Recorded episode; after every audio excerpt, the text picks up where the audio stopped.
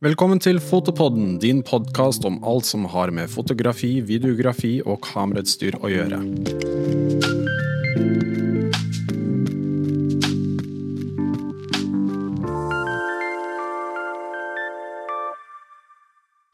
For et par episoder siden mimret vi tilbake til året 2020. Et år som var eh, ganske spesielt på mange måter. Eh, vi snakket om alle høydepunktene i kameraverden, spesielt som eh, var veldig mange, faktisk. Så hvis du ønsker å få oppsummert opp alle de flotte nyhetene vi fikk i 2020, så gjerne gå og hør på den episoden. Men nå, i dag, dere, det er en ny episode, og vi skal se fremover. Fordi det er et nytt år, nye muligheter, nye nyttårsforsett og forhåpentligvis nye kameraer. Og lite tyder på at dette blir mindre spesielt år. ja. Så vi skal se litt inn i krystallkulen for 2021 og gjette på hvilke nye kamera vi vil være så heldige å ta imot i år. Um, og før vi begynner, så må vi bare presisere at uh, dette er jo uh, ønsketenkning. Dette er jo ønsketenking, og uh, så fint som Erik sa, så er dette også ja, kan jo kalle det slags kvalifisert gjetning. Ja. Altså, vi sitter jo ikke på noe informasjon som ikke er offentlig, Nei. men vi kjenner jo litt til bransjen og vet litt hvordan trender utvikler seg osv. Og, så videre, og har sett hva som har kommet til hvilke intervaller tidligere, så vi mm. vet kanskje litt bakgrunn. Ja. Men uh, det her er mye ønsketenkning. Ja, det er noe det. Det er det. Ja. Ønsketenkning, forhåpninger uh, og drømmer. Så la oss bare sette i gang. Og 2021 har jo startet veldig bra. Ja, fy flate. kan ikke du gå gjennom eh, de nyhetene som allerede har kommet? Jo, det er jo kommet eh, en del, men eh, det første som slår meg, er jo Sony Alfa 1. Sony Alfa 1, eller A1, er jo det villeste vi har sett noen gang. Altså, vi syns R5 var det villeste vi hadde sett noen gang, og det var det jo da den kom i fjor. Canon mm, R5, Men mm. A1 overgår jo dette her på så mange områder. Altså, den uh, har høyere oppløsning, 50 megapiksler, den har høyere hastighet, inntil 30 bilder per sekund. Altså, kan jo drodle litt rundt det. Jeg har jo mange ganger uh, regnet hastighet på kameraer i uh, megapiksler per sekund. Mm. Og når du har 50 bilder per sekund, og, nei, 50 megapiksler og 30 bilder per sekund, så får du 1500 gigapiksler per sekund. Og så For å sammenligne, da. altså Når du ser på en eh, film eh, på kino 1,5 gigapiksel, unnskyld. 1,5 gigapiksler. For å sammenligne hvor mye altså det, ja, det, det kameraet kan ta 30 bilder i sekundet. Altså stills, ikke film, fordi film vanligvis er 24 eller 25 bilder i sekundet. Ja. Så du kan ta flere stillsbilder enn et videokamera vanligvis filmer. Ja, nå kan du ta 30 bilder i 8K. Ja, det også. Og 60 bilder i Vi kommer tilbake til det, Men bare for ja. å liksom skjønne hvor mye 30 mm. bilder i sekundet er. Det er, det filmhastighet. det, er filmhastighet. Det, er, det er helt insane hvor mye det er. Mm. Og det, er 50 megapixler per. Men hvordan er bufferen på den da? Vet du det? Vi... Den er ikke sånn ekstrem som den er på Canon sine. Du har noen type 150 råbilder ja. uh, cirka, hvis du kjører i den hastigheten. Og det er jo gjort unna på fem sekunder, men fem sekunder er en ganske rask serie. Ja. Så, så, det er nok ikke noe sånn umiddelbart stress. Så setter du ned hastigheten, så vil jo bufferen bli mye mye større. Mm. For den skriver jo så fort, så du skal nok ikke så veldig langt ned før den bufferen er bortimot uendelig stor. Men det er, det er, ingen som har prøvd dette kameraet ennå, så det er ingen som vet alle disse smådetaljene. Nei, nei. Men i tillegg så er det jo mye andre sånne småting med det. Altså, du har jo 8K-video. Du har 120P eh, i 4K, så vidt jeg husker. Uh, bruker du blits, så kan du synke blitsen på et 400 sekund. Det har du aldri kunnet før. Så du har liksom mange sånne firsts på dette kameraet. Mm. Så, så, det blir veldig, veldig gøy. Det retter seg jo mot Altså sikter seg inn i konkurransen med, med Canon 1DX og Nikon D6. Ja. Um, det de ikke har, er jo den størrelsen til de kameraene. Ja. Og dermed så kan det også være vanskelig å få det kanskje den byggekvaliteten til de kameraene og ergonomien til de kameraene. Mm. Til gjengjeld så har man allerede store, fantastiske, veldig solide kameraer der. Ja. Hvis noen faktisk ønsker seg noe mindre, men det ypperste av kvalitet, så syns jeg det er gøy at det kommer noe som er mindre også. Jeg tror det er lurt kanskje at de må ikke legge det for tett opp til. Nei, altså jeg så et par videoer om dette kameraet eh, til forberedelse for dette her, og det er jo flere som Det, er, det ligger et par videoer på YouTube og folk som liksom gjør sånn first impression. Liksom, de tester det bare sånn, ikke sånn i dybden, da, men de går litt inn i den. Og de sier liksom sånn med tanke på hvor den ligger i pris, så mm. får du jo Hvis du går litt mer opp i pris, så får du en A7S3 og en A7R4 for litt mer, da. Ja. Uh, så hvis du vil ha to kamerahus, og én gjør video og én gjør bilde veldig bra, mm. så er det vanligvis det som man går for. Men da har du to kamerahus. Ja. Uh, og, og, du har ikke hastigheten. Nei, men det er sånn, du kan da Så du kan på en måte velge, og du får jo også en FS, Sony FX6, mm. som er ny også. Uh, hvis du ønsker video og ergonomi og sånne ting. Ja. Men hvis du vil ha alt i én pakke, alt i et kamerahus, og du skal være mobil, mm. og alt skal skje med en gang, og du ikke har tid til å sette opp flere kameraer, eller du ikke har plass til et stort videokamera, og du vil ha alt i ett, så er dette et veldig veldig interessant kamera. Ja. Og bortsett fra noen ekstra megapiksler, så går den jo i ring rundt A7R4. Ja. Bortsett fra egenskapene i mørket, så går den på video omtrent ring rundt A7S3. Det er visst et par ting på video på A7S3 som er bedre, men, men det er veldig lite. Ja. Og den går selvfølgelig ring rundt A73. Ja. Og, eller, vi har aldri sett det før. Nei. Da jeg skrev om det, så kalte jeg det kamera eh, nesten uten kompromisser. Fordi Vanligvis har du måttet velge mellom øh, høy oppløsning eller høy hastighet, f.eks. Du har måttet velge mellom gode videoegenskaper eller gode fotoegenskaper. En del sånne ting du må du velge mellom, mm. og det må du ikke lenger gjøre. Du kan få alt sammen i en pakke, men det kompromisset de ikke har klart å liksom unngå, det er jo da prisen. Ja. prisen. 80 000 kroner, det, er, det koster å være kar, men eh, du verden for en kar du er da, altså. men da, da, har du et kamera som du kan bruke til så å si alt. Ja. Eh, så jeg tenker dette er jo veldig nyttig for eh, journalister f.eks., og reisefotografer og folk som er veldig mye ute på location ja. og veldig mye ute på farta. Ja. Jeg tror de vil ha veldig godt nytte av dette kameraet. Mm. Absolutt. Absolutt. Og så finnes det jo en del entusiaster mm. som drømmer om dette kameraet. Altså Sjøl så er ikke jeg en bedre fotograf enn at jeg vil ha et kamera som kan gjøre alt det får slengt etter seg, bra. For jeg er ikke sånn at jeg bare tar bilder av folk, eller bare tar bilder av gate, eller bare tar bilder av fugl. Mm. Tar bilder av hva som helst hvis det dukker opp. Og da vil jeg ha noe som er klart når det dukker opp. Og dette her er klart når det dukker opp. Ja. Så det er nok en del entusiaster kanskje som er i, i den, den, situasjonen, som, som, ønsker seg dette her bare for å vite at man kan få bildet. Mm. Veldig interessant kamera. Vi gleder oss veldig til å teste det, oh, og vi håper at vi får teste det snart. Mm. Hint, hint, Sony. Ja. um, så, men det, det som jeg syns var litt kult også, var at de hadde jo også en Xperia Pro, altså en mobiltelefon som har en HDMI-inngang, som funker som en monitor ja. til, denne, til, dette kameraet. Og at den også da kan overføre gjennom FTP-servere veldig fort. Ved bruk av 5G på den mobilen, hvis jeg forsto det riktig. Det kan være, ja. Eller så har den jo ganske avanserte nettverksfunksjoner innebygd også. Den ja. har jo både avanserte wifi-ting, Den har en, en gigabit eternett-tilkobling, ja. og, og FTP, støtte for FTP-server selvfølgelig, og masse mm. sånne ting. Så du, du, har ganske gode nettverkstilkoblinger hvis du er profesjonell og skal til Tokyo-OL og sende rett av gårde. Ja. Får håpe det skjer i år, da. OL. Tokyo sier at det skjer. Ja, Tokyo sier at det skjer. Så, Bare uten publikum. Det kan være det blir uten publikum. Ja. ja. Med masse kameraer. Masse kameraer. Ja. Og Da er det jo enda viktigere å få lastet opp de bildene med en gang. Ja. Så det blir veldig spennende. Vi gleder oss til å se det kameraet i action. Mm. Men så har det jo kommet også et uh, annet kamera fra et annet merke. Ja, det kommer flere kameraer fra, flere kameraer fra et annet merke. Du tenker sikkert på Fujifilm GFX 100S. 100S, ja. Yes. Og jeg husker jo du kom tilbake fra Japan og har testet GFX 100. Hæ? Hvor du var, eh, du var eh, stup forelska, rett og slett. Ja. Aldri sett noe større glimt i øyet. Ja, det, det, har du helt rett i, men eh, GFX 100 er blitt dessverre gammel og feit og dyr i drift, så jeg har funnet meg ny kjæreste. Den heter GFX 100 S. Smalere, yngre. Oh yeah, og, og billigere i drift. Ja, billigere drift. Men det, det, er jo det det er. Det er jo et mindre GFX-kamera. Ja. En litt mindre pakning. Det er basically en GFX 100 som koster litt over halvparten og veier litt over halvparten. Mm. Men gjør egentlig akkurat det samme. Det har den samme bildebrikka og samme prosesseringa. Ja. Som jo var noe av det jeg ble så forelska i. Men det jeg også ble så forelska i, var jo hvor lett det var å gå og bruke. Mm. Hvor lett det var å omtrent knipse bilder med det. Det er jo blitt enda lettere, for nå er det ikke en diger sånn mastodont som ligner på en 1DX. Nå er det noe som ligner på en A7 eh, eller en A9 eller noe der omkring fra Sony i størrelse. Mm. Men du har fortsatt den samme krafta. Du har fått en enda bedre bildestabilisator.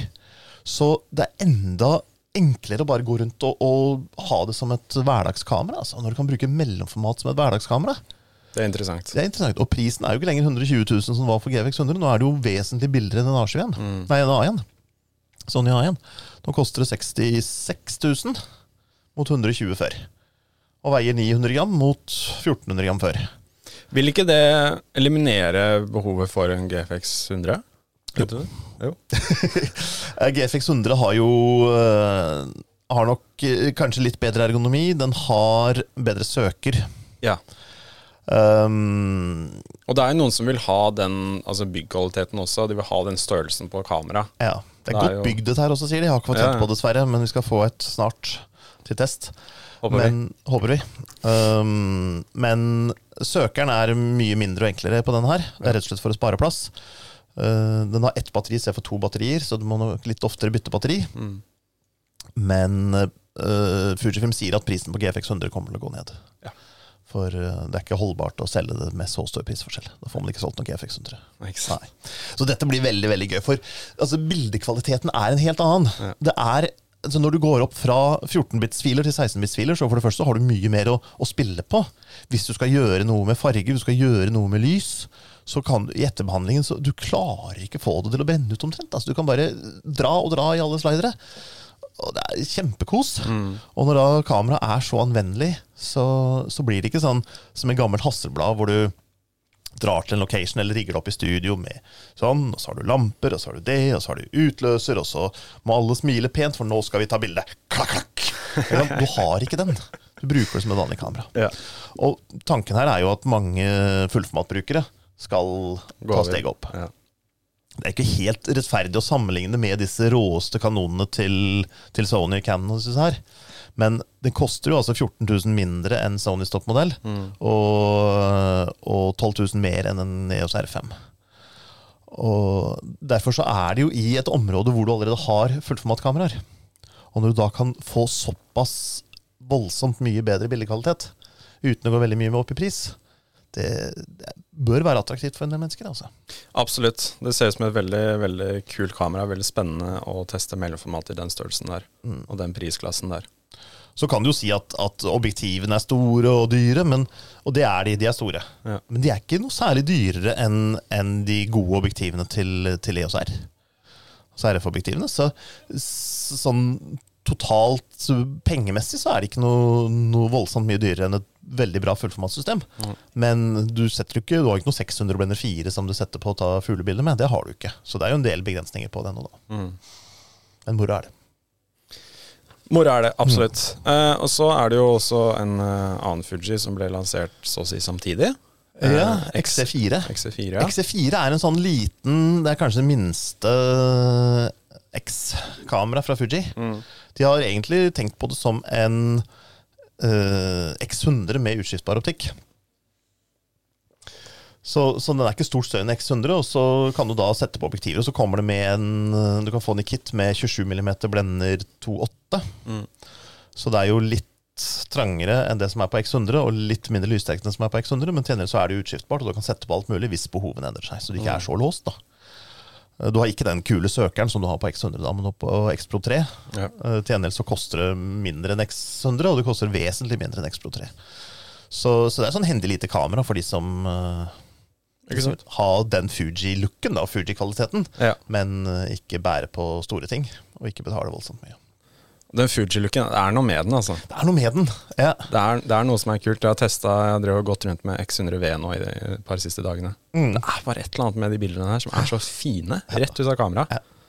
Så veldig interessant det kameraet også. Jeg liker det. Det er, sånn, det er, um, det er, det er et type kamera for de som Ja, du vil bare ha et å overføre rett til mobilen, og ikke redigere noe gjennom PC-en, ingenting, mm. og bare ha det rett ut av kameraet, så får du utrolig fine bilder mm. ut av alle de uh, Fujifilm Det begynner å bli litt forvirrende med Fujis uh, modeller nå, for de har så mange serier. Nå ja, det var forvirrende forrige gang også. XS-serien, XT-serien, XH-serien, X-Pro-serien. Og jeg tror jeg har glemt noe, for jeg trodde det var seks serier. Men det var bare alle sammen med samme bildebrikke og prosessor. Ja. Så men, eh, men dem om det. Det var jo de viktigste kameraene kanskje som har kommet. Eh, jeg bør jo kanskje nevne nye Leica-objektivet også, med det samme vi er på ja, ting som ja, har kommet. Det har kommet en ny uh, altså nyutgivelse av et klassisk uh, Det første Noctilux-objektivet. Uh, 50 mm blender 1,2 som opprinnelig kom i 1966, mm. var nok såpass dyrt at i løpet av den tiårsperioden det ble produsert, så kom, ble det laget 1757 eksemplarer, tror jeg og ganske ettertrakta. Mm. Så nå har det kommet en ny versjon eh, som er så lik den gamle som mulig. Skal gi så lik look som mulig. Det blir ikke helt likt, for de har ikke de samme maskinene og de har ikke de samme tingene som må gjøres på en litt annen måte, men de har gjort det de kan for at det skal være så likt som bare mulig. Mm. Um, den kommer i svart og sølv, begge to i litt begrenset antall. Den svarte blir lagd i 1800 eksemplarer, koster 79 000. Den i sølv den er dessverre allerede utsolgt, men den blir bare produsert i 100 eksemplarer. Ja. Uh, til gjengjeld så må du ut med 88 000 mer enn for den svarte. Ja. ja 167 000 kroner. Men så. da står det ikke Leica på fronten, da står det Leitz Wetzlar på fronten. Ikke sant? Ja. Og det er jo fort verdt 188 000 ekstra, er det ikke det? Ja. ja. Synes, den ble solgt ut på fem timer. Ikke sant? Ja, så den er ikke å få tak i. Beklager. Veldig eksklusivt, altså. Ja, det er liksom de vesentlige tingene som har kommet. Og så er det masse smått og ekstra og ting, men det vi skal snakke om, er jo hva som kommer framover. Hva vi drømmer om, og hva vi tror. Ikke sant. La oss ja. begynne der. Ja. Og skal vi gå et eh, par eh, kameramerke? Vi kan ta kameramerke. Ja. ja.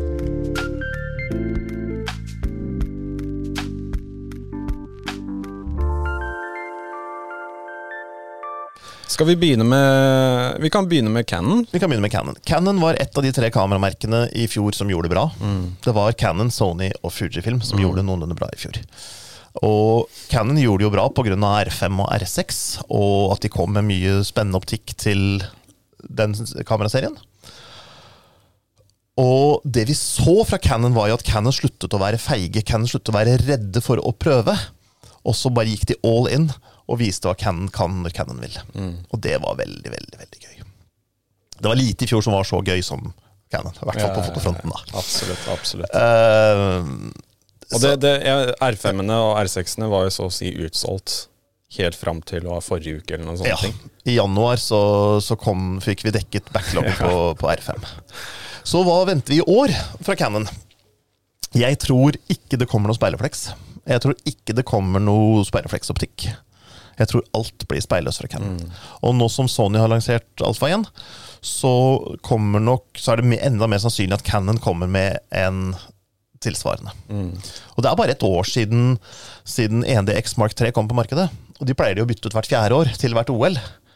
Uh, eh, nå kan du jo si at det skulle vært OL i fjor, og så skal det være OL i år. og Dermed så må det komme en ny modell i år. Men jeg vet ikke om den kommer før OL. Altså. Men jeg tror det kommer en speilløs kjempekamera ja. som uh, som skal matche, eller i hvert fall konkurrere direkte med Alfa 1. Mm. Og det blir jo på en måte det endelige gjennombruddet for speilløst. Da er det på en måte Når proffene går speilløst, da er speilrefleks dødt, altså. Ja. Rett og slett. Så kan sjefen i Pentax så mye han vil si at nei, men folk kommer til å gå tilbake til speilrefleks når de oppdager at Speilhøst ikke er noe kult. Famous last words, spør du meg. Ja. ja. Jeg har skrevet i notatene mine. Jeg har skrevet 2021 eh, er det speilløse året. Ja. Fordi til og med Nikon har jo gått ut og sagt at de er ferdig med speilrefleks. Og de skal gå over til speilløst sånn ja. offisielt. Mm. men jeg tror nok kanskje ja, Jeg vet ikke om vi var ferdig med Cannon, men eh, jeg tror nok det er større sjanse for at Nikon kommer med speilrefleks enn at uh, Cannon gjør det. Kanskje det, ja. Det er godt mulig, det. Mm. Ja, uh, Canon er jo De må jo fylle opp De kommer sikkert med mer objektiver, tipper jeg, i år. Ja, det gjør de garantert. Og fylle opp RF-linjen sin. Og kanskje de skal erstatte R og RP, de to første modellene. Ja. For de er to år gamle nå, to og et halvt år nå. Um, og det har skjedd mye, og de har lært mye, og de har fått bildestabilisator på brikka og en del sånne ting. Mm. Så jeg tror kanskje at uh, det kan komme noe nytt der. Ja, at uh, R og RP kommer med stabilisering mm. innebygd i kameraet. Mm. Men Cannon har jo en liten utfordring, for per i dag så har Cannon fire forskjellige fatninger. De har EF, altså gamle sperrefleksfatningen. Ja. EFS, sperrefleksfatningen for mindre bildebrikker. De har R, EOSR, og de har M. Ja. Eh, så har det gått rykter om en APC-R-system, altså en med mindre bildebrikke, men det konkurrerer jo direkte med M-systemet. Skal de da ha enda mer? Skal de lage også objektiver for APC-brikker med RF-fatning, i tillegg til APC på M-fatning og APC på EF. Jeg tror ikke noe på det. Altså, enten så må de ditche EOSM og kjøre fullt på RF-systemet. Men det betyr jo at de må begynne å lage en masse objektiver ekstra for de mindre bildebrikkene.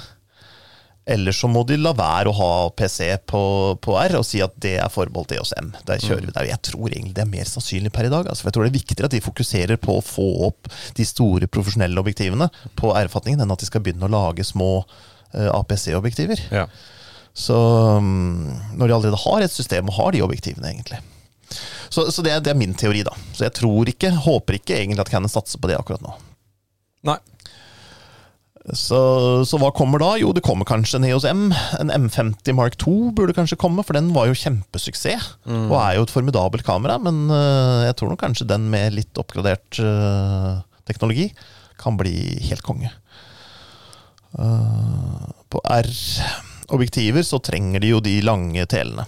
Skal de komme med en, en R1, så trenger de 428, 600 blender 4. Disse her, 328, trenger de altså. Ja. For de har jo noen lange teler, men de er jo blender 11. Det ja, det er 600-800 mm. Ja. Veldig fine de, altså, men det er jo blender 11. Som du sier. Bruker ikke de på sport, vet du. Nei, For når noen løper fort nok, så får du ikke kort nok lukkertid. Nei, ja. Så, så, det tror jeg om Cannon. Nei, men jeg, jeg, er ganske enig i det. Jeg støtter den teorien der. Jeg tror, um, jeg tror de kommer med et, um, ja, en type R1, som vi kaller det. Mm. Altså en speilløs uh, 1DX. Mm. Og litt objektiver til det, ja. ja. Absolutt. Når det kommer, det vet man ikke. Nei, jeg men, tror det kommer til høsten. Men, ja, mest sannsynlig. Kanskje de pusher litt uh, frem nå pga. Alfa 1 fra Sony. Kanskje. Eller de nå har sett hva Alfa 1 kan gjøre. Da trenger de å gå litt tilbake i laben og ja. fikse på et par ting, så det faktisk kommer litt seinere pga. det. Uansett hva de kommer med, så gleder vi oss til i hvert fall. Um, ikke uansett. Nei, ikke uansett. kommer veldig an på hva vi kommer med, om vi gleder oss eller ikke. Ja. Uh, skal vi da ta litt rann, uh, Nikon? Ja. Vi gikk jo litt rann inn på det, men hva, hva, skjer med Nikon nå om dagen? Det er litt vanskelig å si hva som skjer med Nikon om dagen. Mm. For Nikon har jo dessverre overtatt litt den rollen Cannon hadde har hatt i ti år. Nemlig at det er de litt kjedelige som kommer etter. Mm. Uh, og Nikon, nei, Canon klarte det veldig fint det i mange mange år, men det virker ikke helt som Nikon har den samme Skal man kalle det driven, markedskreftene, whatever, som Canon hadde. Så de sliter nok litt mer med det. Og så er man så vant til at Nikon kommer med kule ting med wow-effekter. At når de plutselig slutter å gjøre det, så blir man litt sånn Oi, hva har skjedd nå? Hvorfor gjør de det? Mm. Uh, så det har jo vært en del spekulasjoner, ikke minst fra meg, om de klarer dette gamet.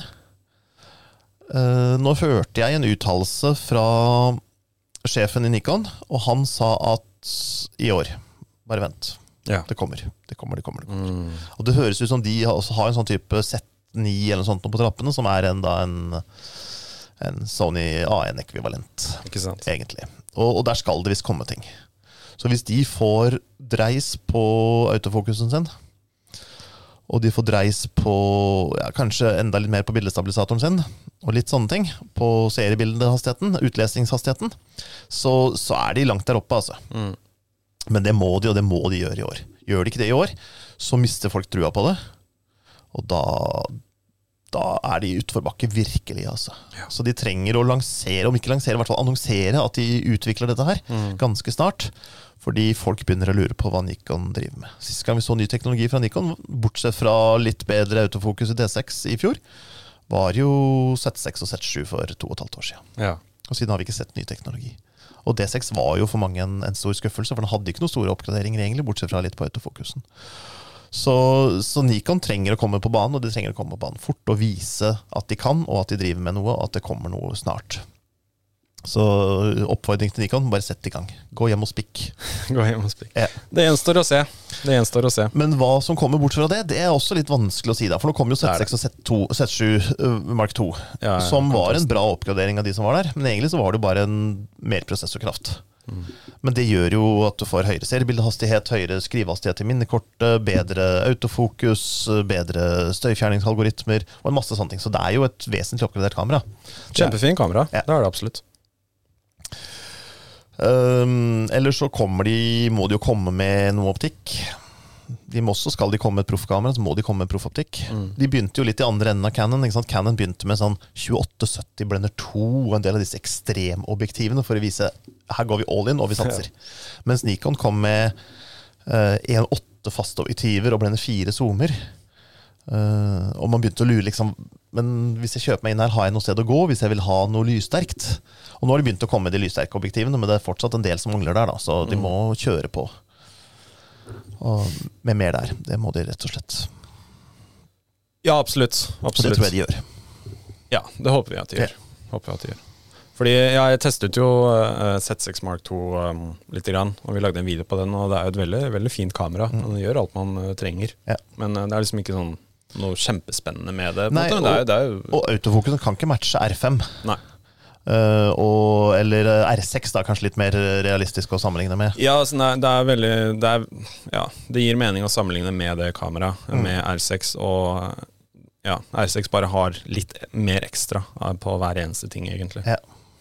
Rett og slett. Rett og slett. Yes. Um, var det Nikon? Det var Nikon. Ja. Uh, hvis de kommer med speilrefleks, så tror jeg de kommer med en 850-erstatter. Ja.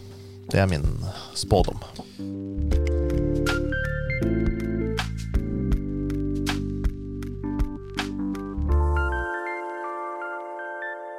Så har vi snakket, eh, Da går vi videre på Fujifilm. Vi har jo snakket litt om Fujifilm allerede. Hva de har kommet eh, med. Mm. Og de har jo allerede kommet med to nye kameraer som ser veldig fine ut. Kommer de med noen flere, tror du? Jeg tror det. Det er litt vanskelig å si, fordi at de har signalisert at de nå har lansert det siste kameraet med den bildebrikken og prosessoren som de nå har brukt i snart et dusin kameraer. Mm. Du har det XT3 og XT4 og XS1 og XT30 og XPro 3 og uh, nå XE4, og det er bare et hav av kameraer som har samme bildebrikke og prosessor.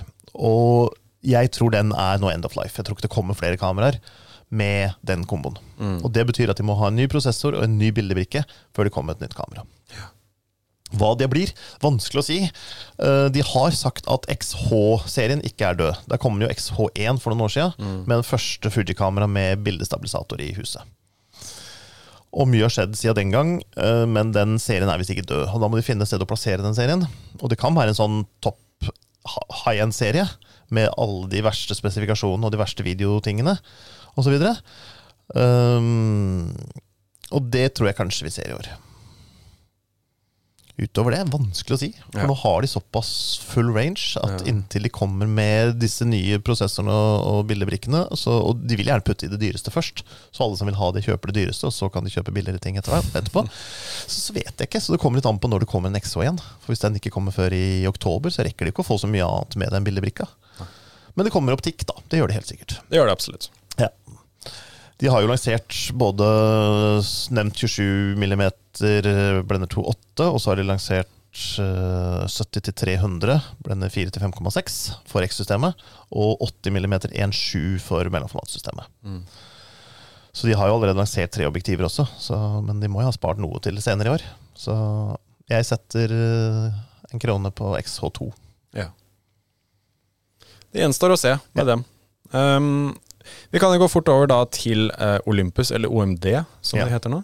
OMD Solutions. OMD Solutions. Ja. Eh, Olympus solgte jo kameradivisjonen sin til JIP, Japan mm. Industrial Partner, i fjor. Sold. Og vi vet ikke hva det innebærer.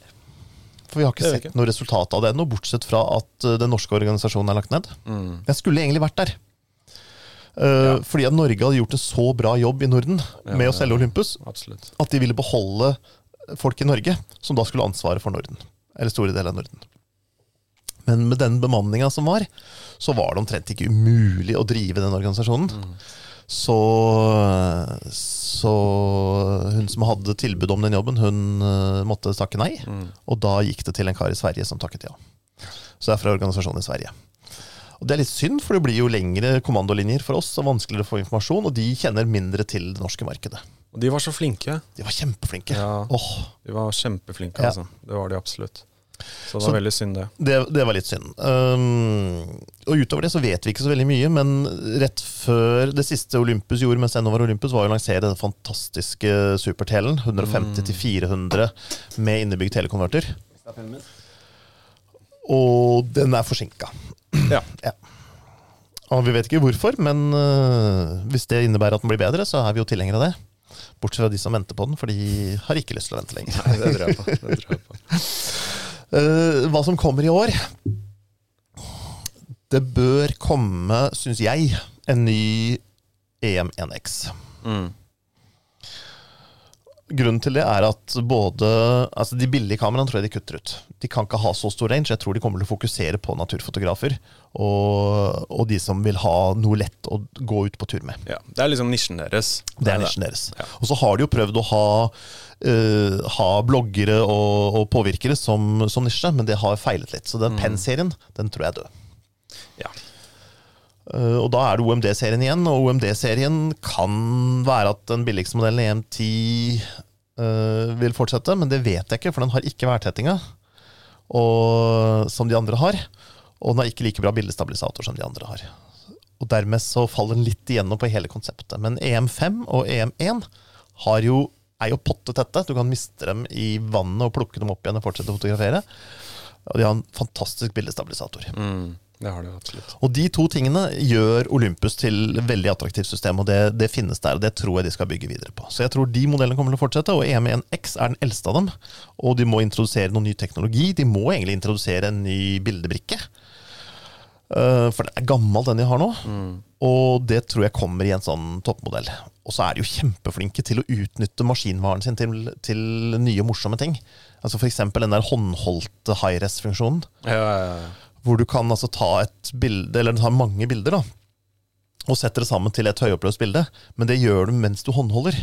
Og da klarer den å beregne hva som er støy, og hva som er informasjon, og kan fjerne egentlig all støy, så du får et støyfritt, høyoppløst bilde. Fra en 20 megapixel-brikke så får du 50 megapiksel håndholdt støyfritt. Mm. Det er helt genialt. Da må du jo ha noenlunde stillestående motiv, men øh, men allikevel, det er, det er, grisekult at de får til sånt. Det er veldig kule systemer. Ja. Det er det absolutt. altså. Så, så, jeg håper det kommer noe, noe, der. Men EM5 og EM1 de er i versjon 3 nå. De er ganske nye, de kom i fjor begge to. Og, så de tror jeg ikke er modne for utskiftning ennå. Men altså, fordelen med dem var jo at man fikk den store, dyre modellen i en mindre innpakning. Mm. Ulempen er at det kommer jo ikke noe ny teknologi i det. Så vi har ikke sett noen ny kamerateknologi fra Olympus siden EM1X kom, egentlig. Så det trenger vi der også. Det gjenstår å se der.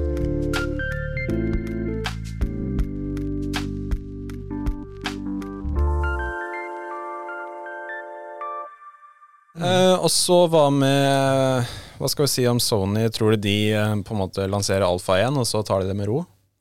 De hadde et veldig Nei, stort år i ja. ja. Du tror ikke at Alfa 1 er istedenfor?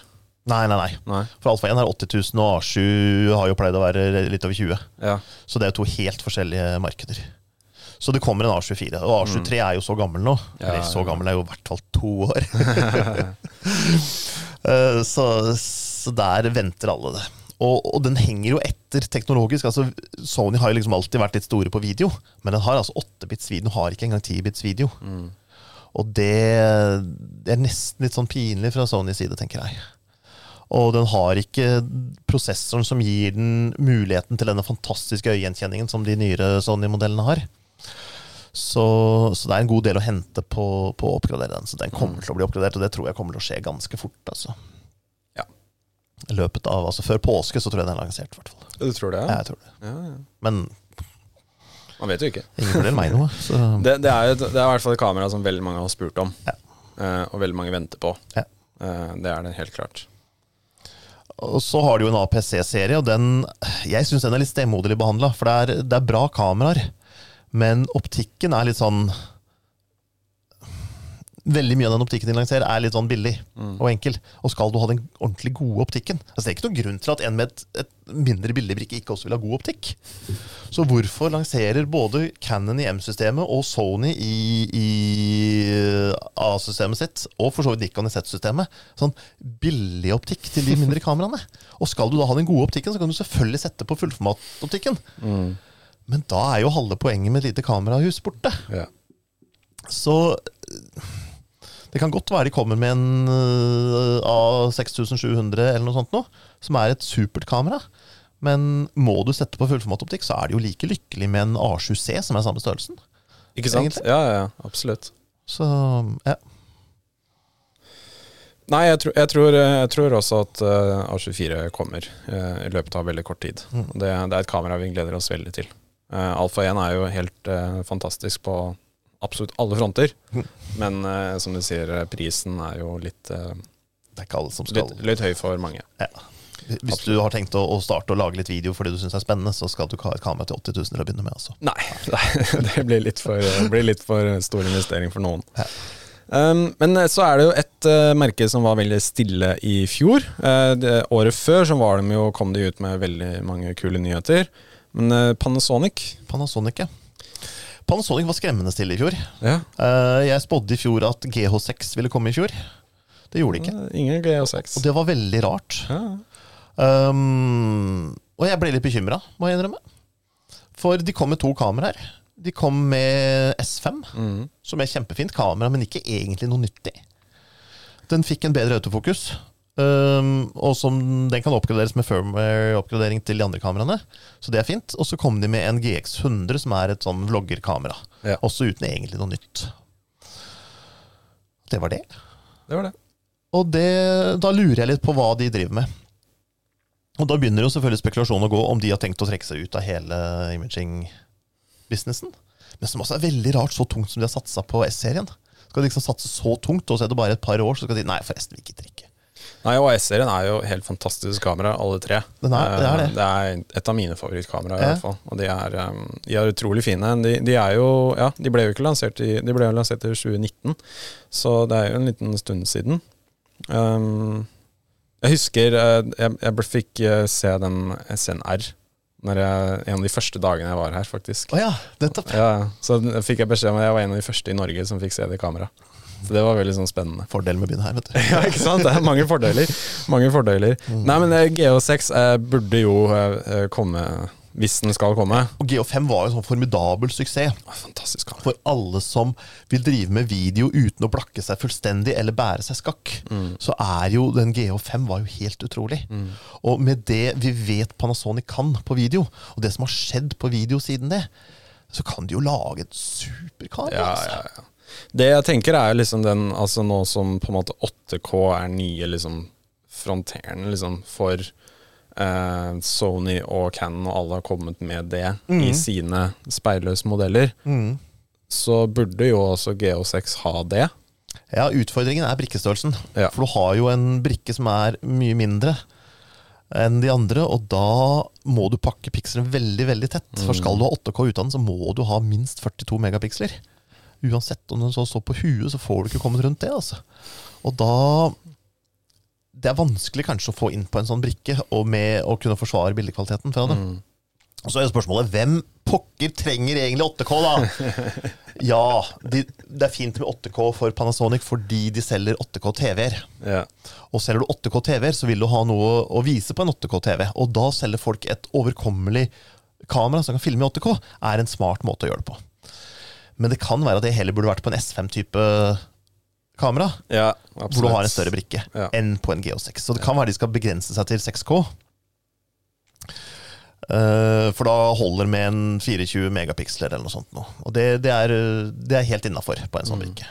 Og det er mer enn folk flest trenger. Altså. Kanskje det kommer en GO6 og så en ny, ny uh, fullformat i S-serien. Mm. Hvor S, den nye IS-serien, SH2, for mm. Mm. Som har da 8K og, og rå ut og alle de tingene der. Flotte tingene man kan forvente av et sånn type fullformat. Og så GO6-en, mm. som også har da veldig mange kule, ja. kule specs mm. i seg. Og Man må jo huske at det, mye, det, disse videotingene konkurrerer jo f.eks. Med, med Black Magic Pocket Cinema 6K. Mm.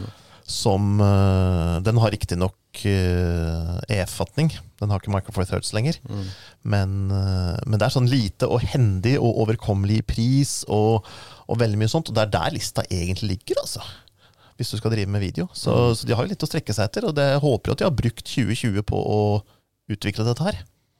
Ja, det håper jeg også. Absolutt. Men det går jo rykter om at de skal trekke seg ut. Men gudene vet om det skjer. Men vi vil jo antagelig se i løpet av våren om de kommer med noe. Ja. Vi må komme med noe i løpet av våren.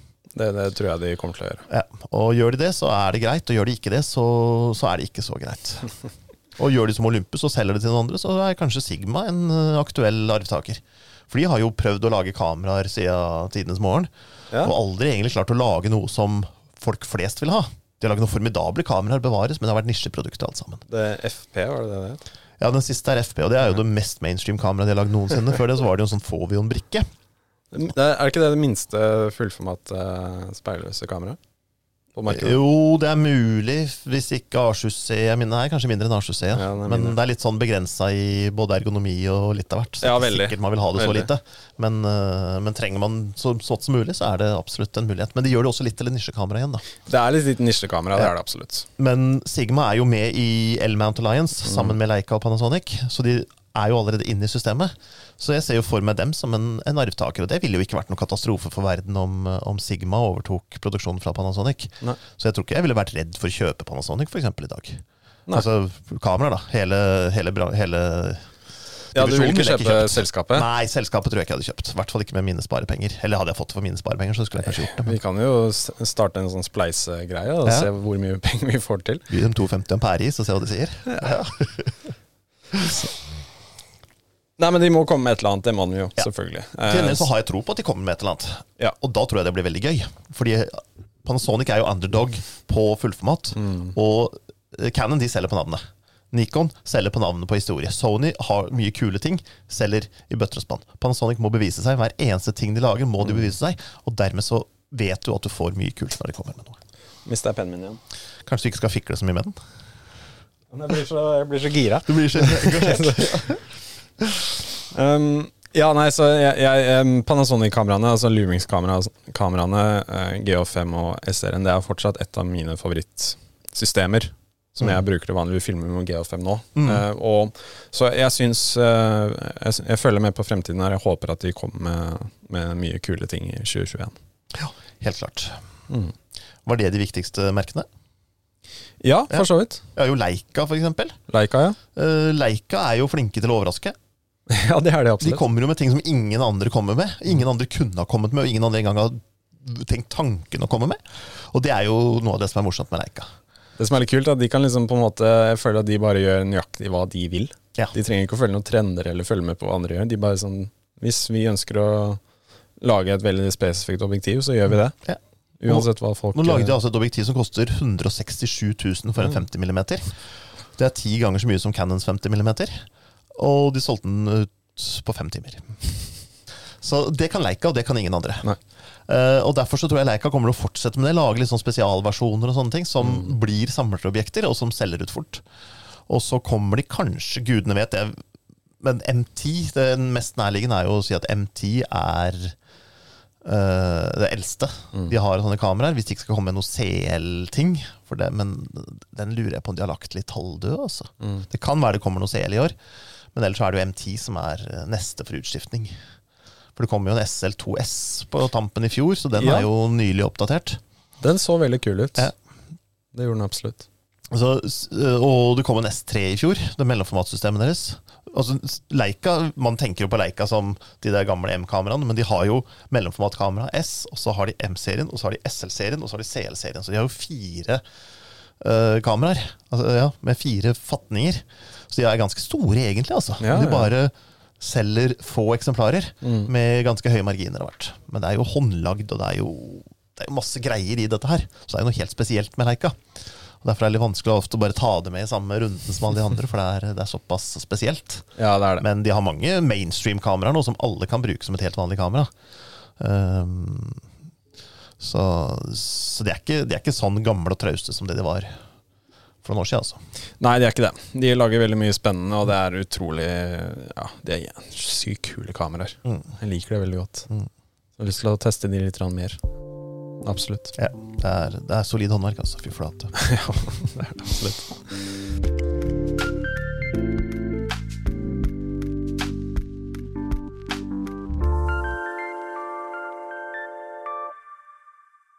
Det var alle notatene mine, i hvert fall. Det var notatene dine, ja. Men uh, det jeg tenkte å si litt om, var jo hvordan, hva folk tar bilde av. For det har jo mm. endra seg veldig. Mm. Altså Før så gikk jo mange ut og tok bilder. Gatebilder og portretter. Og gruppebilder og konsertbilder. Og ja. Konsertbilder har jeg hørt det har blitt ganske lite av. Ja, det har ikke vært så mye av det i 2020. Nei. ble jeg veldig nostalgisk her og tenker på, tenker på tilbake hvor sånne ting var vanlig å gjøre. Ja, og, og, gatebilder. Jo, det kan godt gå ut på gata og ta gatebilder, men det skjer jo ikke så mye på gata lenger. Det er liksom én type serie med bilder du kan ta noe på gata, og det er liksom tomme, tomme gater. Ja, Så du kan ta arkitektur og den typen bilder. Ja. Men, men, det derre livet på Karl Johan, ja, den, den, den fanger man ikke på samme måte lenger. Og portrett portretter. Det er jo veldig mange som ikke vil gå til fotografen ikke sant? Fordi, å ta portrettbilder, fordi det innebærer alltid en eller annen sånn greie som man blir anbefalt å ikke gjøre. Så det som blir bilder med mennesker i større grad enn før, blir kanskje familiebilder. Ja. Du må forevige dine gamle besteforeldre før de blir tatt av koronaen. Og du har mye tid til å ta bilde av resten av familien. Mm. Så der blir det menneskebilder, hvis ikke så blir det mer bilder uten mennesker. Og så blir det sånne uh, aleneprosjekter. ikke sant? Folk begynner med makro, for det kan de gjøre i hagen. Ja. Slipper å gå så langt. Slipper å reise noe sted. Så, og natur og landskap også. Natur og landskap også. Man er jo oppfordret til å gå så mye tur nå at uh, man går i tur nesten hver dag, føler jeg. Man går så mye tur at det blir fullt på de vanlige turene, ja, ja, ja. så man går jo i kø. Det er jo smittefare. Så jeg har jo hørt noen historier fra Nordmarka på fine helgedager. Ja, ja, ja, det blir ganske fort fullt der, tror jeg. Det er så fullt på banen oppover at det er jo ikke trygt en plass, men uh, uh, ja, så sånne ting blir det jo mer av. Ting du kan gjøre, ting du kan fotografere aleine. Eh, så det er jo den veien det går. Og så er spørsmålet om det er en, en varig trend. Eller om det er en straks ting å åpne, at folk må ut og ta bilder av livet og folk og konserter og alt som skjer. For de er så sultne på det. Jeg tror med en gang det er mulighet for det, så hiver folk seg på den banen der. Men det kommer helt an på hva som skjer det neste halve året. Ja. Uh, hvor mye ting åpner seg, i hvert fall her på Østlandet og i Oslo-området og sånne ting. Det kommer veldig an på. Men uh, jeg, jeg, jeg, blir mindre og mindre optimistisk, for å være helt ærlig, på, på hva fremtiden, eller hva 2021 kan bringe. Mm. Um, det var en som sa til meg sånn, um, som jeg møtte i januar, hvor hun tenkte at uh, at, uh, at, korona var på en måte en sånn 2020 mm. Det var et 2020-problem. Ja. Så 1.1.2021 så var vi ferdig med det. Mm. Men realiteten er jo ikke det i det hele tatt. Nei, altså Du kan ikke skylde på 2020. 2020 var bare på feil sted til feil tid. Ja. ja. Det var ikke den sin feil. Nei, Nei så, så, så, ja, trendene er veldig basert på hva man har lov til å gjøre, og disse tiltakene og sånne ting. Mm. Det er det absolutt. Jeg leste jo om en portrettfotograf som ikke fikk, eller motefotograf som ikke fikk tak i modeller. Mm. Uh, så hun data datakonstruerte sine egne, og de så altså så realistiske ut. Det var helt skremmende. Yes. Det ligger en sak om det på foto.no. Det er spesielt, da. Hvor du ikke bruker modeller lenger. Du bare, mm. det bare Alt er i 3D. Ja. mye lettere å kle opp, og mye lettere å få til å posere. Og mye lettere å Og så styrer du lyssettingen i 3D ja, også. Alt, alt, er bare yes. Trenger ikke kamera heller, vet du. Nei, trenger ikke kamera. Tenk deg det. Ja, nei, Det blir jo flere sånn at liksom, ja, alle de restriksjonene nå, Jeg ser jo det på alle forskjellige grupper som søker etter skuespillere og modeller. og sånne ting, At du må være i samme kohort og du må være i samme område som okay, Du kan liksom ikke frakte skuespillere og modeller eh, rundt om i landet. Nei. Så det er veldig mange sånne typer restriksjoner. Mm. Det er det. Og begrensninger på hva man faktisk kan filme og kan ta bilder av. Hva kan mm. gjøre? Jeg var jo på innspillingen av um, av Beforeigners sesong to. Det er derfor jeg har fått så veldig fin bart og hatt. Og Der var det jo veldig strenge smitteverntiltak. Det var jo ja. testing før kostymeprøver og testing før opptak. Og de som jobbet der fast, de ble jo testa tre ganger i uka. Og det var altså sånn mm. På opptaksdagen så var det på med munnbind, av med munnbind, innspilling, på med munnbind. Og det var ikke lov å ha munnbind med en et kvarter. For vi skulle jo ikke sant? Det er dette kvarteret hvor man ja. kan være sammen. Ja uten at det blir farlig. Og det måtte vi overholde, så vi kunne, måtte aldri ha munnbind av mer enn et kvarter av gangen. Så det, var, det er veldig strengt. Altså. Det, det, påvirker jo alt sånt man har med foto, video, produksjoner og alt mulig å gjøre. Det gjør det. Men eh, de, eh, man, eh, Nå er det bare en sånn altså, Det er bare sånn det er nå. Mm. Du må bare adaptere det. Du kan ikke ignorere det på, på noen som helst måte. Og du må bare liksom forholde deg til reglene. Mm. Sånn. Men der er jo foto en veldig fin ting å drive med, fordi det er så mye du kan gjøre aleine. Mm. Hvis, hvis, hobbyen din er å spille fotball, så har du et problem. Hvis hobbyen din er å ta bilder, så har du et mye mye mindre problem. Nok en gang beviser det hvor bra hobby det er. Og det er det jeg sier, er sånn, Fotografi er en utrolig fin unnskyldning til å liksom bare gå seg litt vill noen ganger. Mm. Du har på en måte liksom en unnskyldning til å liksom bare utforske områder du ikke har vært i før. Mm. Og bare finne ut, uh, altså nå spesielt, da, liksom i lokalområdet ditt, mm. lokalmiljøet ditt. Og liksom ja, bare gå tur et eller annet sted, bare høre på litt musikk eller en podkast eller noen sånne ting. Og utforsk området med et uh, kamera. Mm. Og så plutselig så har det gått tre-fire timer. Yeah. Og, og, det kan jo også være terapi. Ja, ja. Ikke sant? Og det kan man jo trenge i disse dager. Så det er jo en fantastisk bok som heter 'Kamerakuren', Kamerakuren. skrevet av doktor Torkel Fære. Torkel Fære, ja. Han har vi hatt på podkasten. Ja, han har hatt på podkasten. Og den er veldig fin. Og der har du en del sånne tips til du kan gå ut og gjøre fotoprosjekter som faktisk er en sånn slags Du blir kjent med deg sjøl, da. Mm. Og du blir, eh, hvis det er ting du sliter med, trenger du ikke være eh, altså, mentalt ustabil eller uh, psykisk syk, men vi har alle våre sterke og svake sider. Mm. Og da kan vi utfordre noen av de og bli litt mer klar over, over dem. Og, og, takle dem bedre egentlig i hverdagen. Så den, den anbefales til alle sammen. Anbefaler den veldig. Han, han, snakket veldig mye om den, eh, hvor viktig det er å ha den mestringsfølelsen. Mm. Det å mm. bli flinkere på noe. Mm. Uansett hva det er, hvilken hobby det er, eller om det er fotografi eller noe annet. Men det at du eh, utvikler deg i et felt og blir flinkere på det, så får du den mestringsfølelsen. og Den er så viktig. Mm.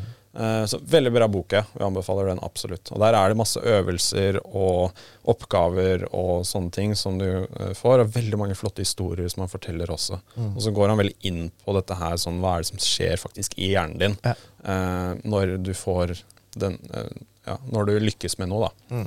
Veldig, veldig bra bok, så vi anbefaler denne. Yes, Det var vel det viktigste. Det var det. Eh, vi eh, ønsker gjerne å høre fra dere. Vi har spurt på Instagram. Følg oss gjerne der. Eh, og skriv gjerne under i kommentarfeltet, eller send en melding eller diskuter med vennene deres hva dere tror 2021 kommer til å bringe i kameraverden og egentlig verden generelt. Det blir jo spennende å se. Vi takker for oss. Veldig hyggelig at dere hører på, og så ses vi i neste episode. Ha det bra.